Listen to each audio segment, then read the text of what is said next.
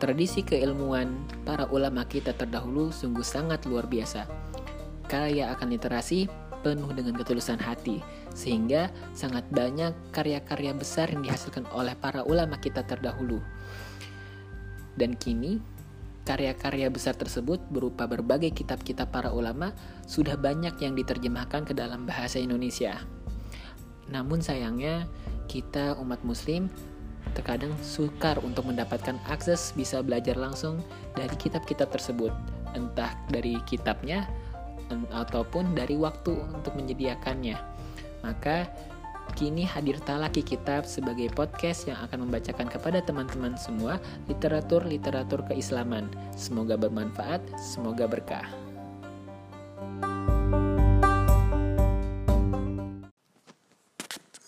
Bismillahirrahmanirrahim. Kembali di Talaki Kitab. Masih pada segmen Tarbiyah Ruhiyah.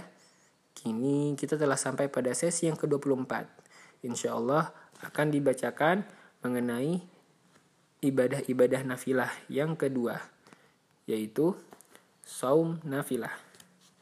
Dasar keutamaan saum atau puasa secara umum adalah apa yang diriwayatkan Imam Muslim dari Abu Sa'id Al-Khudri radhiyallahu anhu bahwa Nabi Shallallahu Alaihi Wasallam bersabda, Tidaklah seorang hamba berpuasa satu hari fi sabilillah, melainkan Allah menjauhkan dia dari api neraka sejauh 70 tahun perjalanan.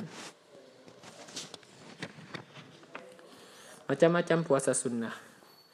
Yang pertama ada puasa Arafah.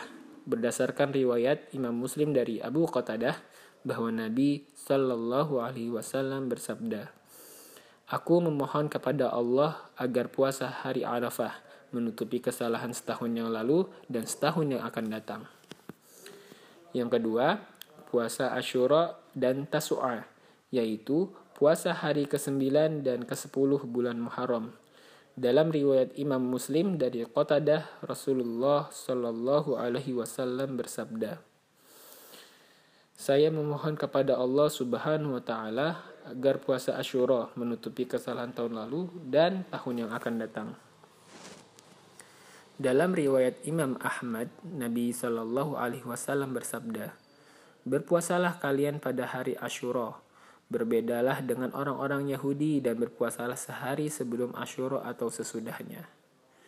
Berdasarkan riwayat ini, seorang boleh berpuasa pada hari ke-9 dan hari ke-10 atau ke-10 dan ke-11 agar berbeda dari orang-orang Yahudi. Yang ketiga, saum 6 hari pada bulan Syawal. Imam Muslim meriwayatkan dari Abu Ayyub Al-Ansari radhiyallahu anhu, ia berkata Rasulullah shallallahu alaihi wasallam bersabda, Barang siapa berpuasa pada bulan Ramadan, kemudian dilanjutkan dengan puasa enam hari di bulan Syawal, maka seolah-olah dia berpuasa setahun penuh. Yang keempat, saum tiga hari, bid atau saum ayamul bid. Imam Tirmidzi meriwayatkan dari Abu Dzar radhiyallahu anhu, ia berkata Rasulullah shallallahu alaihi wasallam bersabda, apabila kamu berpuasa tiga hari dalam sebulan, maka puasalah pada hari ke-13, ke-14, dan 15. Penanggalan di sini tentu menurut penanggalan Komariah atau Hijriyah, sebab pada hari-hari tersebut bulan lebih jelas dan lebih terang. Yang kelima, saum hari Senin dan Kamis.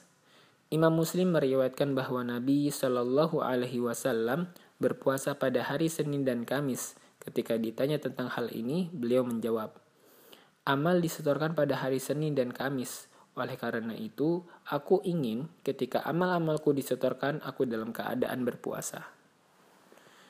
Yang keenam, saum sehari dan buka sehari.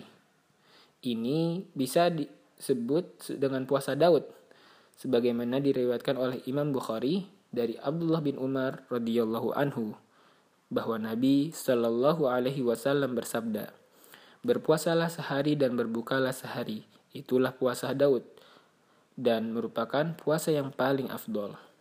Dan puasa-puasa lain yang ditegaskan oleh nas dari Nabi Shallallahu Alaihi Wasallam Saum adalah ibadah yang melatih seseorang agar mampu ikhlas dan meninggalkan sifat ria, sebab tidak ada yang mengetahui orang yang berpuasa sunnah selain Allah.